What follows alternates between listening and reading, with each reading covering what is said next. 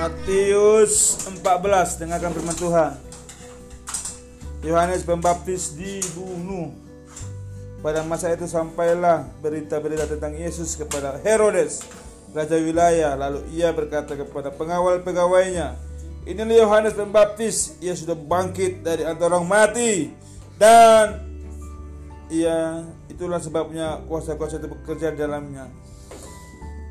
Sebab memang Herodes telah menyuka, menyuruh menangkap Yohanes, membelenggunya, memenjarakannya, di penjara dia.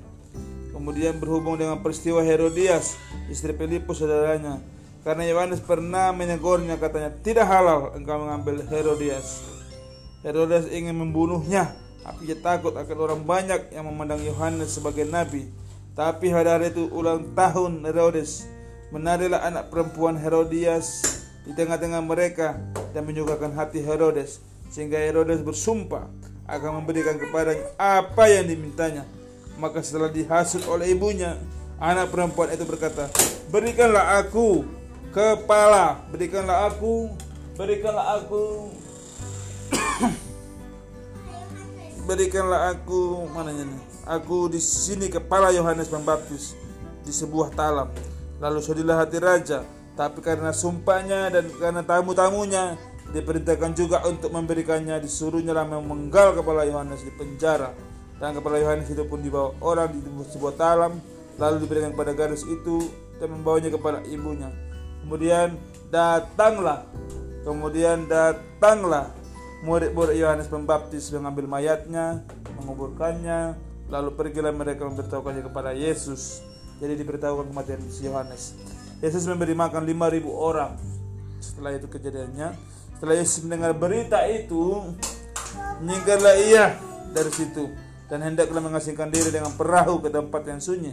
Tapi orang banyak mendengarkan dan mengikuti Yesus mengambil jalan darat dari kota ke kota dari kota ke kota ketika Yesus mendarat ia melihat orang banyak yang besar jumlahnya maka tergeraklah hatinya artinya oleh belas kasihan kepada mereka dan Yesus menyembuhkan mereka yang sakit menjelang malam murid-muridnya datang kepadanya dan berkata tempat ini sunyi dan hari sudah mulai malam suruhlah orang banyak itu pergi supaya mereka dapat membeli makanan di desa-desa tapi Yesus berkata kepada mereka tidak perlu mereka pergi kamu harus memberi mereka makan. Apa dibilangnya? Jawablah mereka yang ada pada kami di sini banyak lima roti dan dua ikan. Yesus berkata, bawalah kemari kepadaku. Lalu serunya orang banyak itu duduk di rumput dan setelah diambilnya lima roti dan dua ikan, Yesus menengadah ke langit, mengucap berkat, lalu memecah-mecahkan roti itu dan memberikannya kepada murid-muridnya. Dengarkan dek. Lalu murid-muridnya membagi-bagikannya kepada orang banyak dan mereka semuanya makan sampai kenyang. Kemudian orang mengumpulkan potongan-potongan roti yang sisa 12 pakul penuh yang ikut makan kira-kira 5000 laki-laki tidak termasuk perempuan dan anak. Yesus berjalan di atas air. Dengarkan ini. Yesus sudah itu segera memerintahkan murid-muridnya naik ke perahu, mendahulunya ke seberang, sementara ia menyuruh orang banyak pulang dan setelah orang banyak itu disuruhnya pulang, Yesus naik ke atas bukit untuk berdoa seorang diri. Di mana dia? Di mana? Di bukit. Sebuah bukit untuk berdoa. Ia sendirian di situ. Perahu murid-muridnya sudah beberapa mil jauhnya dari pantai dan diombang-ambingkan gelombang karena angin sakang. Jadi mereka murid-muridnya di tengah laut. Kira-kira jam 3 malam Datanglah Yesus kepada mereka berjalan di atas air. Yesus berjalan di atas air.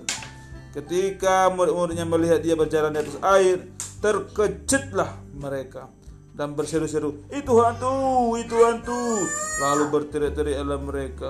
Tapi segera Yesus berkata kepada mereka, "Tenanglah, aku ini, jangan takut." Itu Yesus. Dengarkan ini, aku ini, aku ini Yesus, jangan takut, dibilangnya. Lalu Petrus berseru dan menjawab dia, "Tuhan, Apabila itu kau itu suruhlah aku datang kepadamu berjalan di atas air. Siapa yang minta minta jalan di atas air? Yohanes. Salah. Yohanes. Petrus. Petrus mau berjalan di atas air. Kata Yesus datanglah. Maka Petrus pun turun dari perahu dan dia berjalan di atas air mendapatkan Yesus. Tapi ketika ditanya, dirasanya angin, ada tiupan angin, takutlah ia dan mulai tenggelam.